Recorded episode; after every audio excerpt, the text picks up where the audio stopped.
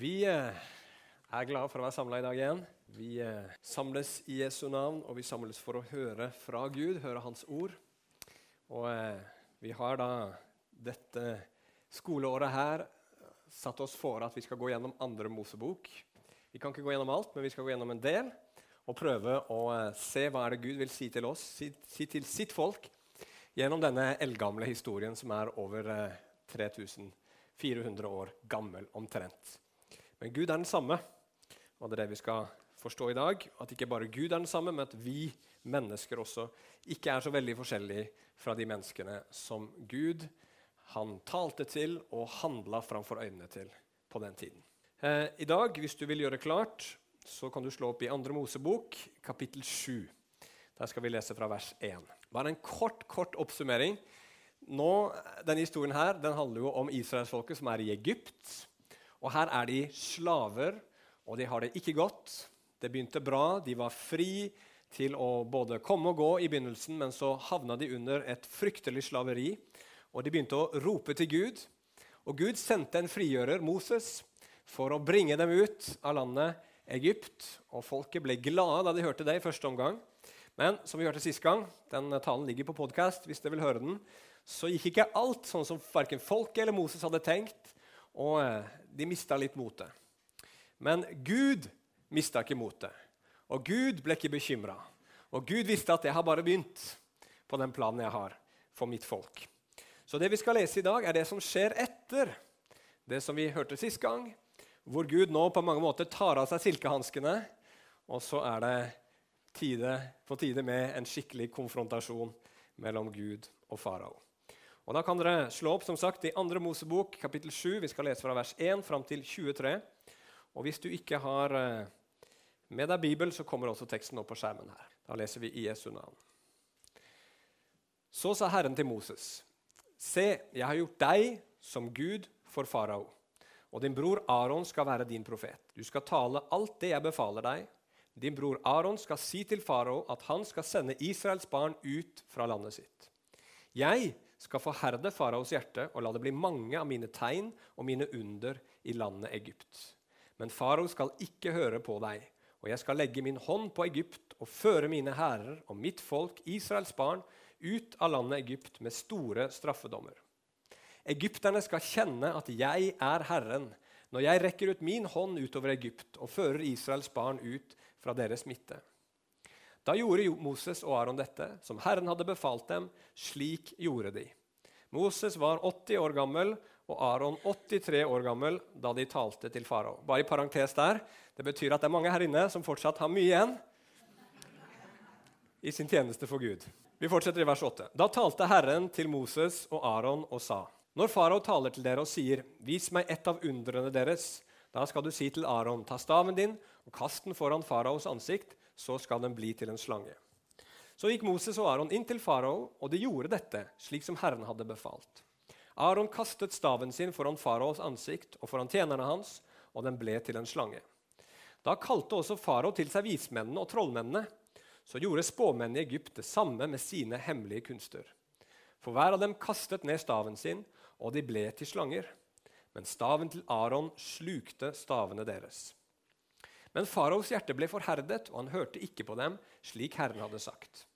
Da sa Herren til Moses.: Faraos hjerte er forherdet, han nekter å la mitt folk fare. Gå til farao i morgen tidlig, se når han går ut til vannet. Der skal du stå ved elvebredden for å møte ham. Staven som ble til en slange, skal du ha i hånden.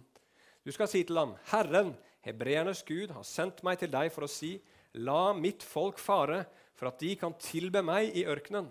Men se, Inntil nå har du ikke villet høre. Så sier Herren, på dette skal du kjenne at jeg er Herren. Se, jeg skal slå på vannet i elven med staven jeg har i hånden, og det skal bli til blod. Fiskene i elven skal dø, elven skal stinke, og egypterne skal ikke orke å drikke av vannet i elven. Så talte Herren til Moses.: Si til Aron, ta staven din og rekk hånden din ut over vannene i Egypt, over elvene, kanalene, dammene og over alle vannmagasinene deres, så det blir til blod.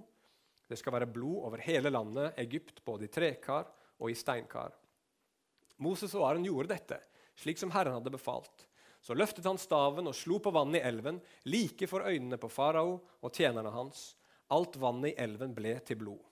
Fiskene i elven døde, elven stinket, og egypterne kunne ikke drikke vannet i elven. Slik ble det blod over hele landet Egypt. Da gjorde spåmennene i Egypt det samme med sine hemmelige kunster. Men faraos hjerte ble forherdet, han hørte ikke på dem, slik Herren hadde sagt. Farao bare snudde seg og gikk inn i huset sitt, for heller ikke dette tok han til hjertet. Vi skal be sammen. Kjære himmelske Far, vi bare takker deg for at eh, du er Gud, og det finnes ingen som deg, Herre.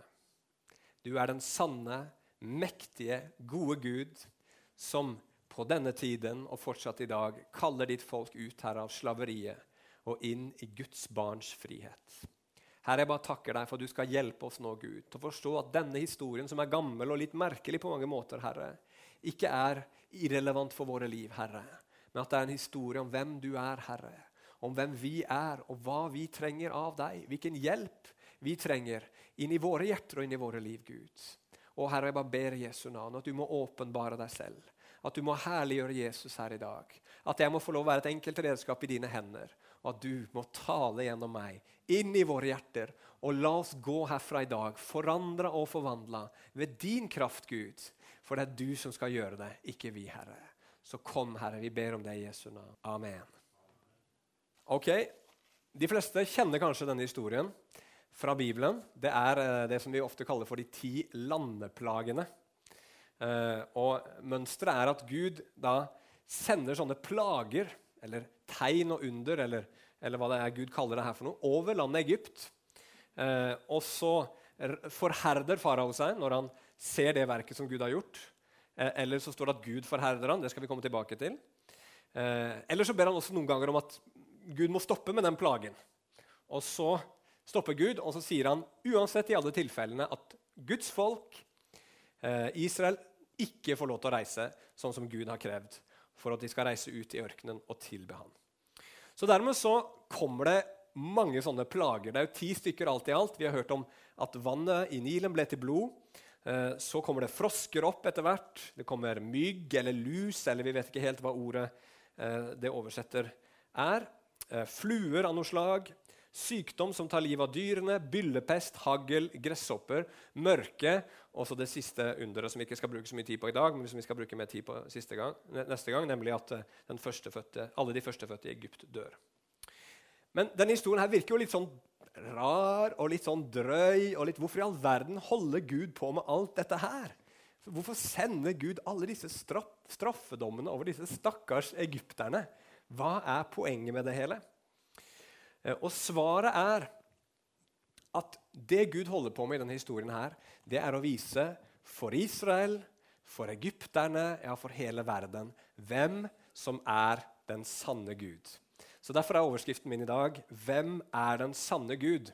Og Jeg har tre eh, punkter som jeg vil dele med dere. Den første er avguder gjør mennesker til slaver. Nummer to avguder er maktesløse. Og punkt nummer tre bare den sanne Gud har kraft til å sette mennesker fri. Så Da begynner vi med første punktet. Avguder gjør mennesker til slaver.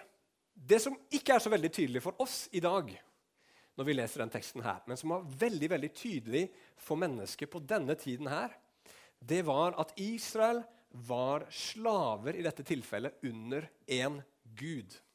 De var slaver under en avgud. Egypt var et eh, land, som de fleste andre land og kulturer på den tiden, som tilba mange guder. Og eh, De som har greie på det, mener at det var opptil 2000 forskjellige guder i Egypt. hvis man tar med alle de lokale guddommene. Eh, og Disse guddommene de hadde forskjellige områder som de var guder over. Men sånn generelt sett så var det himmelguder, det var jordguder og det var vannguder. Og disse Eh, gudene var en veldig veldig viktig del av det kulturelle livet i Egypt. Og alle egyptere tilba forskjellige guder eh, for forskjellige ting. Men blant de aller viktigste gudene og de høyeste gudene så hadde du solgudene Ra og Horus. Solgudene de var til tider Det de, de blander seg veldig inn i hverandre, disse gudene i Egypt. og Noen liksom eh, forvandles inn til andre guder og så videre gjennom historiens gang. Men Horus og Ra det var liksom noen store solguder som egypterne tilba. Men det de også mente om Ra og Horus, det var at disse gudene var legemliggjort i farao. Så farao var i Egypt en gud. Og Derfor hadde farao på hodet sitt en, eh, en, en, krone. Skal vi se om jeg klarer å finne den her. Der. Han hadde en krone på hodet sitt. Dette her har dere sikkert sett før. har dere ikke det? Og her kan dere legge merke til at I panna på faraoen var det her to symboler. Det ene var en slags sånn ørnehode, som dere ser til venstre for dere.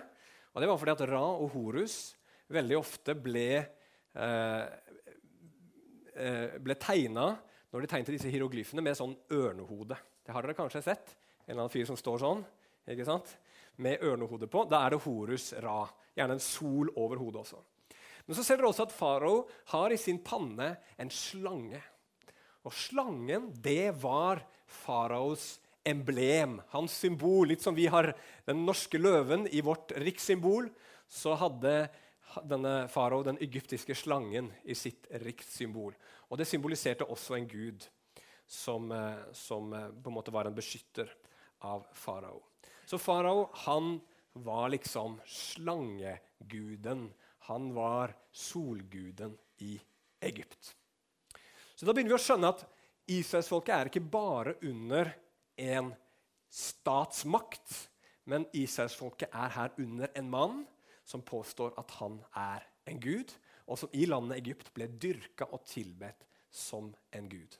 Og Israelsfolket de kom jo inn i dette landet her, og det var en plan med det. ikke sant? Gud ville at de skulle komme dit for å bli redda fra hungersnøden. Og så ble de bare værende i dette landet. Og de hadde det fint, det var overflod, det var godt i Egypt.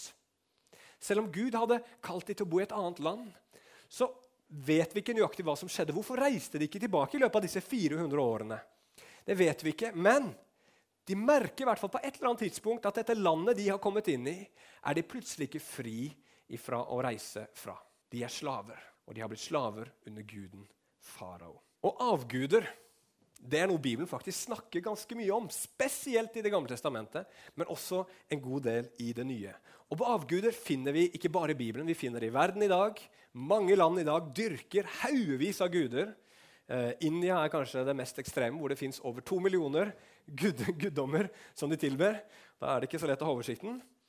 Men det som er tilfellet med disse gudene, det er at grunnen til at mennesker tilber guder, det er ikke først og fremst gudene selv.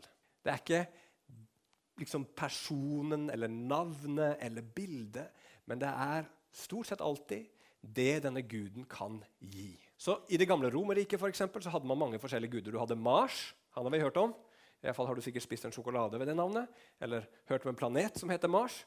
Og Mars det var krigs- og maktguden. Så hvis du ville ha makt eller vinne i krig, ja, men da måtte du be til Mars. ikke sant? Og noen har kanskje hørt om Bakkus. Nei, han var guden for alkohol og nytelse og fest. Så liksom hvis du skulle ha det kjekt på fest, så måtte du gå og ofre litt for Bakkus, for da ble festen mye bedre. Ikke sant? Eh, du hadde Pluto. Han har vi hørt om. Han var guden for penger og rikdom. Eh, du har eh, flere guder. Apollo han var en sånn helbredelsesgud. Venus, også en planet, har vi hørt om. Hun var guden for, eller gudinnen for sex og fruktbarhet. Så hele veien, hvis det var noe du ville ha i livet ditt, noe som du tenkte dette må jeg ha mer av, mer fruktbarhet, mer penger, mer makt, så ba du til den guden som kunne gi deg det. Er dere med? Så folk var ikke så veldig interessert egentlig i Guden selv, men i hva Guden kunne gi. Og er det så veldig forskjellig fra det vi mennesker gjør i dag, når våre liv handler om penger, sex, makt, nytelse, at vi liksom har god helse, eller hva det skulle være? Det blir på samme måte avgudsdyrkelse. Og hvorfor holder vi sånn på å søke alle disse tingene? Jo, fordi at vi mennesker har bak alt det der noen helt legitime behov som Gud har lagt ned i menneskene. Og det kan Vi si, vi kan summere det opp, og det er sikkert forskjellige måter å, å snakke om det på, men jeg syns det er veldig nyttig å snakke om disse fire tingene her. Vi mennesker vi har behov for trygghet, vi har behov for mening. Altså, hva får deg opp om morgenen? Ikke sant? Noe å leve for, noe som driver deg. Vi har behov for verdi. Hva er det som gjør at jeg er noe som menneske? Og Det er fryktelig å føle seg verdiløs. Og vi har behov for glede. Vi søker lykke. Vi søker noe som kan gjøre oss glad på dypet av vårt vesen. Og Disse tingene her trenger vi mennesker. Og disse tingene søker vi mennesker etter. Og det er derfor vi går til disse avgudene. Og Det kan være greit å tenke litt på disse tingene. Derfor har jeg laga en sånn liten huskeregel for at du jeg kan tenke hva er det egentlig som gir meg som, som, er min dypeste trygghet? Hva er det som gir mitt liv den sanne meningen? Hva er det som gir meg verdi som menneske? Og hva er min dypeste glede? Så kan du legge disse bokstavene sammen og putte inn en O mellom de to første og en E mellom de to siste. Og så får du ordet 'tom veg'. Så kan det være lettere å huske på dette her. Hva er det i livet mitt som jeg tror skal gi meg disse tingene? Og problemet med det, det er at med en gang du og jeg begynner å søke disse tingene i noe godt, eller kanskje ikke så godt, noe som er i denne verden, så gjør disse avgudene som de blir, de gjør oss til slaver, og de ødelegger oss. En av de store utfordringene i samfunnet i dag, en av de store gudene i samfunnet i dag, er sexguden. Sex. Mennesker søker det gjennom eh, gammeldags umoral eller gjennom pornografi, som er veldig tilgjengelig i vår tid. Og når man søker lykke, glede i det, så vil man aldri finne varig tilfredsstillelse og glede. Man ender opp med å hele tiden føle at begeret ikke er fullt. Det mangler hele veien. og Veldig ofte så opplever mennesker at de må ha mer og mer og føler seg tommere og tommere. Men hva skal man gjøre når man søker glede, og ens avgud svikter igjen og igjen. Hvor skal, hvor skal, man gjøre av seg? Jo, man løper jo bare tilbake igjen til samme avguden igjen og igjen og igjen. Og igjen. Og så får man kanskje et lite glimt av håp, men så tilfredsstiller det ikke. Og så sitter man i et bånd og et mønster. Det repeteres, det repeteres, det repeteres. Og så ender det med at livet blir ødelagt. Når mennesket henger fast i sex som en gud, så ødelegger det relasjoner, det ødelegger ekteskap, det ødelegger familie, og mennesker ender opp i ensomhet, og mennesker ender opp i tomhet. En annen gud for mange mennesker i dag er popularitet. Å være godt likt av mange mennesker. Er det en god gud å søke sin verdi i? At andre mennesker skal bekrefte meg og si at de syns jeg er noe, at de syns det er kjekt å være sammen med meg, kan det gi meg den følelsen av verdi og gjøre meg til en person som opplever seg selv som verdifull. Vel, prøv. Du får aldri nok bekreftelse. Det nytter ikke hvor mange mennesker som syns du er topp. Eller hvis du går på sosiale medier, hvor mange finner bekreftelse i dag? Hvor mange likes eller klikk eller kommentarer eller oppmerksomhet du får der. Du kjenner fortsatt at du trenger mer for å virkelig føle at du er verdt noe. Og Derfor blir man en slave, for man fortsetter igjen og igjen og igjen å søke hva kan gi meg følelsen av å være verdifull. Og så ender man opp med tomhet. Man ender opp med aldri for nok. Og så ender man opp med å bli enda mer selvopptatt. Man ender opp med å forsøke å gjøre alle glade og si det som alle vil høre. Dermed blir man falsk og mister seg selv. Man kan gi seg selv til løgn, og all slags mulig ulumskheter kommer opp i livene, livene våre fordi vi søker verdi gjennom popularitet. Mange mennesker i dag også søker trygghet for gjennom penger. Kan du få så mye penger at du føler deg helt trygg? Nei, det går ikke. Det gir aldri en fullstendig og helt sikker trygghet med penger. Derfor må du alltid ha mer. Derfor må du alltid spre risikoen mer. Men siden du aldri føler deg helt trygg, så må du igjen og igjen forsøke å melke denne avguden din og få noe ut av denne avguden din, så du kan føle deg trygg. Og så blir mennesker som har penger som sin gud fordi de vil føle seg trygge, blir gniende og de blir griske. Og vi vet hva det, hva det kan ødelegge av familier og relasjoner og det ene og det andre. Så spørsmålet i Bibelen til alle mennesker er hva er din avgud? For alle mennesker har en. Alle mennesker har noe de går til for å finne den dypeste tryggheten, den dypeste meningen, den dypeste verdien og den dypeste gleden. Og selv om du sier ja, men Gud er min Gud, så vil det fortsatt være sånn at det finnes enkelte ting i ditt liv som du kjemper med, som er dine avguder, og som du løper til med en gang livet blir vanskelig, med en gang du føler deg utrygg, med en gang ditt liv føles gledesløst, med en gang du ikke kjenner at du har noe verdi eller noe å leve for. Og alt i et menneskes liv kan bli en avgud. Men problemet med avguder er ikke bare at de binder oss, men også punkt nummer to at avguder er maktesløse. Israels folk er bundet av en falsk gud. Og Aron og Moses kommer på Guds vegne og kaller dem til frihet og sier at farao må sette dem fri, sånn at de kan tjene Gud og tilbe Gud istedenfor å tjene og tilbe farao. Og så gjør de det første tegnet.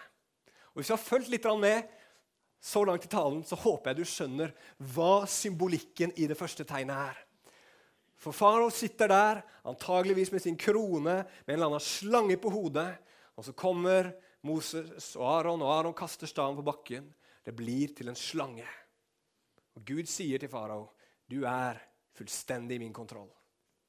Og så har farao noen sånne magikere og noen trollmenn der som liksom også klarer å forvandle sine staver til slanger. Og hvordan klarer de det? Vel, er de tryllekunstnere? De sånne, hadde de sånne der som du får kjøpt på Internett, sånne staver som kan bli til blomster, eller annet, bare du liksom trykker på en knapp? Er det det de har? Eller er det faktisk onde krefter i sving her? Vel, Bibelen er veldig tydelig på at også den onde, djevelen, kan gjøre tegn. Han kan gjøre mirakler, så det kan godt hende det er det som skjer her. Men uansett, den onde han, eh, han kan gjøre noen mirakler, han òg, men Guds slange eller Guds stav sluker opp disse her slangene til farao. Igjen en beskjed til farao. Her finnes en som er mye, mye mektigere enn deg. Så Gud kommer for å vise at det er han som er Gud. Og Egypts guder med farao i spissen er fullstendig maktesløse.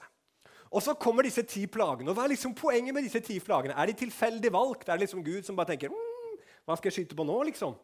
Tja Nilen? Ja, hvorfor ikke? Psh. Nei, når Gud gjør disse tegnene i Egypt, så er det Gud som sikter seg inn på spesifikke guddommer i Egypt for å vise egypterne at deres guder er fullstendig maktesløse i møte med han. Og Nå har vi en liten liste her på skjermen eh, som er interessant. Jeg har sittet en liten stund og prøvd å finne ut av det her.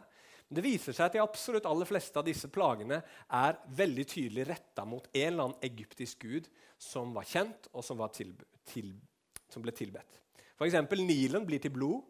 Men Nilen var tilbedt, og, og nilguden Hapi, som hvert år ga eh, liksom flom i Nilen, som rant over sine bredder og kom med, med, med, med fruktbarhet og liv til åkrene i Egypt, han ble tilbedt. Og Så kommer Gud så sier han, Hapi, er maktesløs. Jeg er Gud. Så kommer det frosker opp av Nilen. Igjen så virker det ikke som Hapi har helt kontroll på Nilen. Og eh, fruktbarhetsgudinnen Heket, som dere helt sikkert ikke har hørt om, men hun hadde et froskehode. Og denne guden som de tilba, ansiktet hennes for å si det sånn, ble plutselig en pest og en plage i hele Egypt. Og denne guden kunne ikke gjøre noen ting for å stoppe det. Så tar Moses støv fra bakken eller om det var Aron som gjorde det. og Så kaster de det opp i lufta, og det blir til noe mygg eller noe lus eller et eller annet som sprer seg utover og plager egypterne fryktelig. Og så var det en gud som het Geb, som var jordguden. Han kunne ikke gjøre noen ting for å hindre at Moses og Aron forvandla ved Guds kraft dette jordstøvet til plagsomme mygg. Så er det fluene, eller kleggene. Det er litt vanskelig å helt vite hva det hebraiske ordet peker på. Og det er helt, litt vanskelig å vite hvilken gud det er snakk om her heller, men det fins en gud som ble eh, billedgjort som en skarabé. Og kanskje var det disse fluene var sånne flyvende biller, skarabeer, som eh, spredte seg utover landet. Og Gud viser at han er mektigere enn guden Kepri, som han het. Eh, de dødssyke husdyrene etter hvert kveget døde i Egypt. Og det var mange egyptiske guder, bl.a. Eh, gudinnen, tror jeg, Hator, eh, som var som ble, ofte ble eh, eh, billedgjort som eh, kveg, da, eller som en ku. Byllene som ramma egypterne, kunne ikke helbredelsesguden eh, Amun-hotep gjøre noen ting med. Det var flere andre helbredelsesguder òg. Når haglet kom ned fra himmelen, så kunne ikke himmelguden Net gjøre noe med det.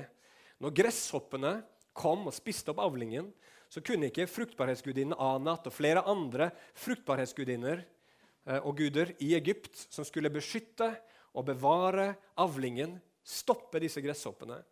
Og når det kommer mørke over hele Egypt, jo, da er det nettopp solguden Ra og Horus som blir angrepet, og som viser seg å være maktesløse i møte med Israels Gud. Og Så kommer den aller siste plagen, som vi skal snakke litt om neste gang, hvor det er nettopp farao, den førstefødte, de førstefødte i Egypt og faraos førstefødte som blir angrepet. Og I forbindelse med det så sier Gud i 2. Mosebok 12, vers 12.: For jeg skal gå gjennom landet Egypt den natten, og jeg skal slå alle førstefødte i landet Egypt, både mennesker og dyr. Jeg skal holde min dom over alle gudene i Egypt.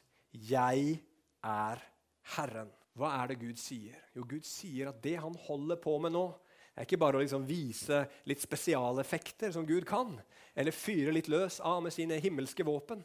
Nei, det Gud gjør, det er at han dømmer Egypts guder.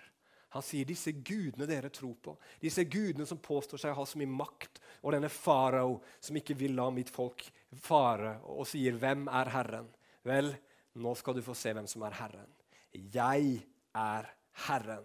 Og dere skal få kjenne Han sier både det til farao og han sier det til egypterne. Dere skal få kjenne at jeg er Gud. Jeg er Herren. Og Vi kan liksom tenke oss at Gud han, han kjemper mot Egypt her, men det er ikke det han gjør. Gud kjemper mot Egypts guder og for det egyptiske folk. For å vise dem at det dere har satsa på, det dere lever for, det det dere slaver under, det dere ofrer til, er ikke guder i det hele tatt. Jeg er Gud. Jeg er mektig. Tilbe meg i stedet. Og det står, virker det som, i kapittel 12, vers 48, tror jeg, at det var en god del av egypterne som faktisk kom til tro på Israels Gud og ble med dem på utfarten av Egypt. Så Gud forteller hvem som er Gud, og han forteller at Egypts guder, de falske gudene, er maktesløse. Og kjære venner, alle falske guder er fullstendig maktesløse. Og du ser det klart, klarest og tydeligst når du står ved dødens terskel. Og du har levd hele livet ditt for penger, og du har haugevis og tonnevis av det, kan de hjelpe deg på den dagen når du skal dø. Hvis du har levd ditt liv for nytelse, og du har hatt de flotteste, herligste, flott, eh, eh, ja, beste opplevelser som fins, og du står og dette livet er slutt, kan det hjelpe deg noen ting som helst da? Nei. Du kan være den mektigste personen i verden. Du har levd for å få makt, og du har kommet til maktens høyder. Kan det hjelpe deg den dagen du skal dø? Nei. Og Uansett hva det er du har satsa livet ditt på, den dagen du skal forlate denne verden, så vil alt det være avslørt som fullstendig maktesløs. Men Guds plan var ikke bare å vise Israel og vise oss at, sanne, at, at, er, at, han er en sanne Gud, men han vil vise at det bare er en sanne Gud som har kraft, som ikke er maktesløs, og som virkelig kan føre mennesker inn i frihet, ikke inn i slaveri. Og Det er noe merkelig i den teksten. her, Jeg vet ikke om dere la merke til det, men Gud han sa til Moses du skal være Gud for farao, og Aron skal være din profet. La dere merke til Det er helt i begynnelsen av det vi leste. Så det Gud forteller oss, at her kommer det en mann som her kalles for Gud. Han var ikke Gud, men han kalles for Gud. Han er som Gud for farao. Og han kommer for å sette Guds folk fri fra slangen, slangens grep, for at de skulle komme ut av slaveri Egypt og ut i frihet til å tilbe ham. Denne historien her forteller oss om en annen person, Jesus Kristus, som både var menneske og sann Gud, som kom inn i denne verden for å fri mennesker ut fra djevelens, den gamle slangens grep og føre alle som vil tro på Han, ut i frihet og frihet til å tjene den levende Gud. Og Når Paulus skrev til Tessalonikerne i første Tessalonikerbrev kapittel 1 og vers 9, så sier han til dem det her. For de selv forteller oss hvilken inngang vi fikk hos dere, og hvordan dere vendte dere til Gud fra avgudene for å tjene den levende og den sanne Gud. Når Jesus døde på korset for oss, når Jesus ga sitt liv for å sette oss fri, så var det ikke for å sette deg fri til å ikke tjene noen, eller sette deg fri til å tjene deg selv. Men Jesus han døde på korset for å sette oss fri til å tjene Gud. Hvis du begynner å tjene deg selv, så tjener du bare en ny avgud. Hvis du tror at du kan la være å tjene noen og bare være fri, så tar du feil. Bob Dylan, som noen av dere har hørt om, han sa i sin tid You've got to serve somebody. It might be the devil, it might be the Lord, but you're gonna have to serve somebody. Har noen hørt den sangen? Du må tjene noen. Enten så er det djevelen, eller så er det Herren. Men du må tjene noen. Du har ikke noe valg. Eneste veien til frihet, eneste veien til å ikke havne under det slaveriet som alle avguder fører oss inn i, er å bli satt fri av Gud til å tjene Han. Til å tilbe Han. Hva betyr det? Jo, det betyr at vi er kalt til å finne vår trygghet vår mening, vår verdi og vår glede i Gud selv. Det er å tjene Gud. Finne alt dette som våre hjerter trenger, i Han. Og i motsetning til alle disse avgudene så kan Gud fylle. Ja, han fyller. Han kan gjøre deg fullstendig trygg. Han kan gi deg mening og noe å leve og dø for. Han kan gi deg verdi. Han har gitt deg en verdi han sier at du er verdifull gjennom at han var villig til å la sin sønn dø for deg. Og det fins ingen som kan gi deg en verdi sånn som han kan gjøre det. Og han kan gi deg glede. Amen. Kristen tro, å bli frelst, det er å bli glad, kjære brødre og søstre. Det er å finne en glede, finne en skatt, finne noe du kan fylle hjertet ditt igjen og igjen med, som gjør deg sant lykkelig. Og det er det bare Gud som kan gjøre.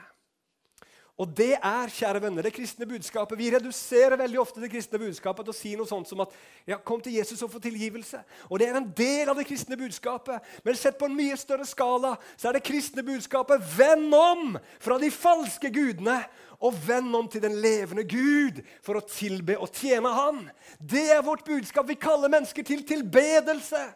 Og En som sa det kjempebra, han sa det at misjon eksisterer fordi tilbedelse ikke fins. Vi driver misjon for at vi skal lede mennesker til å tilbe den levende Gud.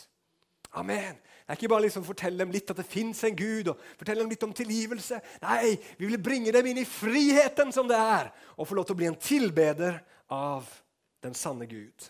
Og da, når det budskapet høres rundt omkring, så kan vi enten gjøre som farao og forherde våre hjerter. Men står det ikke at Gud forherda hjertet hans? da?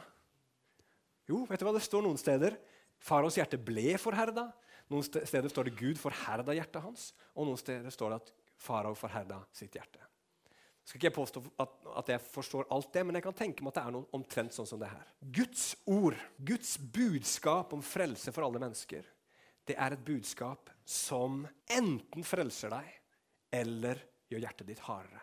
Når Gud sier 'jeg vil frelse deg', og du sier 'jeg trenger ingen frelser', så treffer det Guds ord hjertet ditt, som du har gjort hardt, og så gjør det hjertet ditt enda hardere.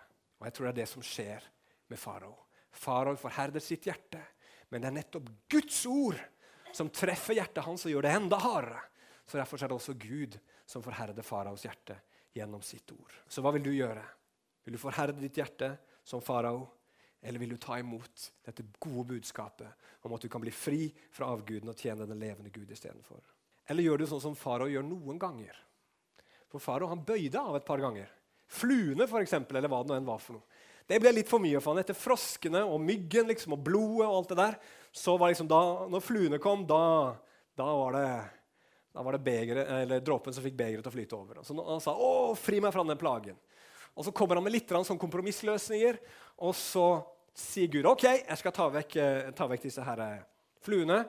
Og så sier han 'Nei, jeg vil ikke, jeg vil ikke gi, gi noen ting som helst allikevel', sier farao. Det som er faren med Gud, det at vi kommer til han fordi han kan gi oss noe annet som vi vil ha. Far han var ikke så veldig interessert i Gud for Guds skyld, men han ville veldig gjerne ha litt hjelp av Gud hvis han kunne fri ham fra disse forferdelige fluene, som ikke hans guder og ikke hans trollmenn kunne ta vekk. Og Kommer du til Gud, så er ikke det fordi Gud kan gi deg noe, men vi må komme til Gud fordi han selv er noe. Og Gud gir mange ting, men hvis du kommer til Gud fordi at han skal gi deg helse eller velsignelse eller glede eller gode følelser eller rikdom, så kommer du egentlig ikke til Gud. Da kommer du til Gud som et middel for å nå et mål. Det du tror hjertet ditt egentlig trenger. Det jeg egentlig trenger, er rikdom. Det jeg egentlig trenger, er god helse. Det jeg egentlig trenger, er et, et liv hvor, hvor liksom ekteskapet mitt er topp, eller et eller annet sånt. Men vet dere hva Bibelen sier? Det er Gud selv hjertet ditt trenger. Du må komme til ham for han selv. Og Det er den store utfordringa for oss. Derfor var det verre for Gud å bringe Israels folk ut av Egypt enn å bringe Egypt ut av dem. Og Dette problemet fortsetter i Det nye testamentet. Vi skal gå mot avslutning nå og lese fra Galaterbrevet, kapittel 4, vers 8 og 9. Og Her sier Paulus til galaterne.: Men den gang, altså da de ikke var frelst, da dere ikke kjente Gud, trellet dere under dem som av natur slett ikke er guder, altså under avgudene. Men nå, etter at dere har lært Gud å kjenne, og enda mer etter at dere er kjent av Gud, hvordan kan dere da igjen vende dere til de svake og ynkelige maktene? Vil dere på ny trelle under den? Vet du hva? Min utfordring, En av mine største utfordringer i mitt liv er at de gamle avgudene stadig vekk drar på meg og vil ha meg tilbake inn i sitt slaveri. Og Det er ditt problem også. Men hvordan i all verden kan vi få Egypt ut av oss? Hvordan kan dette slaveriet, dette, denne lengselen etter disse avgudene, virkelig renses ut av våre liv? Det herlige som vi har, og som ikke Israelsfolket så fullt ut på den tiden, men som vi får lov til å se, og som vi straks skal feire nå når vi skal ta nattverd, det er at vi har en åpenbaring av Gud som er mye dypere, mye vakrere, mye mektigere, mye herligere som når vi ser på den, når vi beundrer den, når vi tenker på den, når vi lar den fylle oss igjen og igjen, så dras våre hjerter i riktig retning. Hvis du og jeg bare lever livet sånn som alle andre, og ikke ser denne åpenbaringen, så glir våre hjerter sakte, men sikkert bort fra Gud. Og hva er åpenbaringen? Jo, åpenbaringen er av Gud korsfesta i Kristus Jesus på et kors for våre synder. Gud hadde ikke tenkt, trengt å dø for deg. Men han gjorde det. Han kunne latt være og vært helt rettferdig, men han gjorde det fordi han elska deg. Og vet du hva han gikk gjennom på korset? Nei, det aner vi ikke, men vi skjønner at det var smertefullt. Vi skjønner at Jesus ler, han skrek ut i angst. Hvorfor gjorde han det? Jo, fordi han elska deg. Og så i tillegg til det, når han døde på dette korset, så ga han deg alt det som han hadde. Han som ikke sparte sin egen sønn, men ga ham for oss alle. Hvordan kunne han annet enn å gi oss alle ting med han? Han har øst ut av all sin velsignelse, og sånn at du som tror på han, du blir et Guds barn, og du får en evig arv i himmelen. Og vet du hva vi trenger? Å se dette om igjen og om igjen. For når vi ser det, så kan vi jo ikke vende tilbake til de gamle, elendige avgudene våre. da kan vi det. Når vi har sånn en god Gud, når vi har sånn en skatt, når vi har en Kristus korsfesta for oss, som ofra alt for at jeg skulle leve, ikke dø, da dras mitt hjerte mot Han. Og da blir synd, og da blir disse tingene som lokker og drar på mitt hjerte, de blir ingenting. Mens Jesus blir min skatt og min glede. Og Derfor er vi samla her, og derfor sa Jesus at vi stadig vekk skulle feire nattverden til minne om Han. Fordi hvis vi glemmer han, og glemmer hva han har gjort, så går vårt hjerte feil vei. Men med en gang vi husker på det, med en gang vi minner hverandre på det, så husker vi ja, når jeg ser på dette korset, da kan jeg vite at jeg er trygg. For Jesus har tatt bort all min synd, og jeg har ingenting å frykte mer. Selv ikke Gud trenger jeg å frykte, for det er nå ingen fordømmelse for den som er i Kristus Jesus. Når jeg ser på korset, så kan jeg se jeg har noe å leve for. Jeg har en Gud som har elska meg til døden. Hans ære, hans budskap, den han er, det vil jeg leve for. Jeg har noe som gir meg verdi når jeg ser på det korset der. For Guds sønn mente at jeg var verdt at han skulle dø for meg. Han gir meg verdi gjennom sitt kors. Og jeg har sånn en glede, fordi jeg vet at min Gud, han er så god, og han har elska meg så høyt at han ga sitt liv for meg på et kors. Og det kan vi glede oss over dag etter dag. Og i Kristus så har jeg blitt velsigna med evig liv, evig fred, evig håp, evig glede. Halleluja.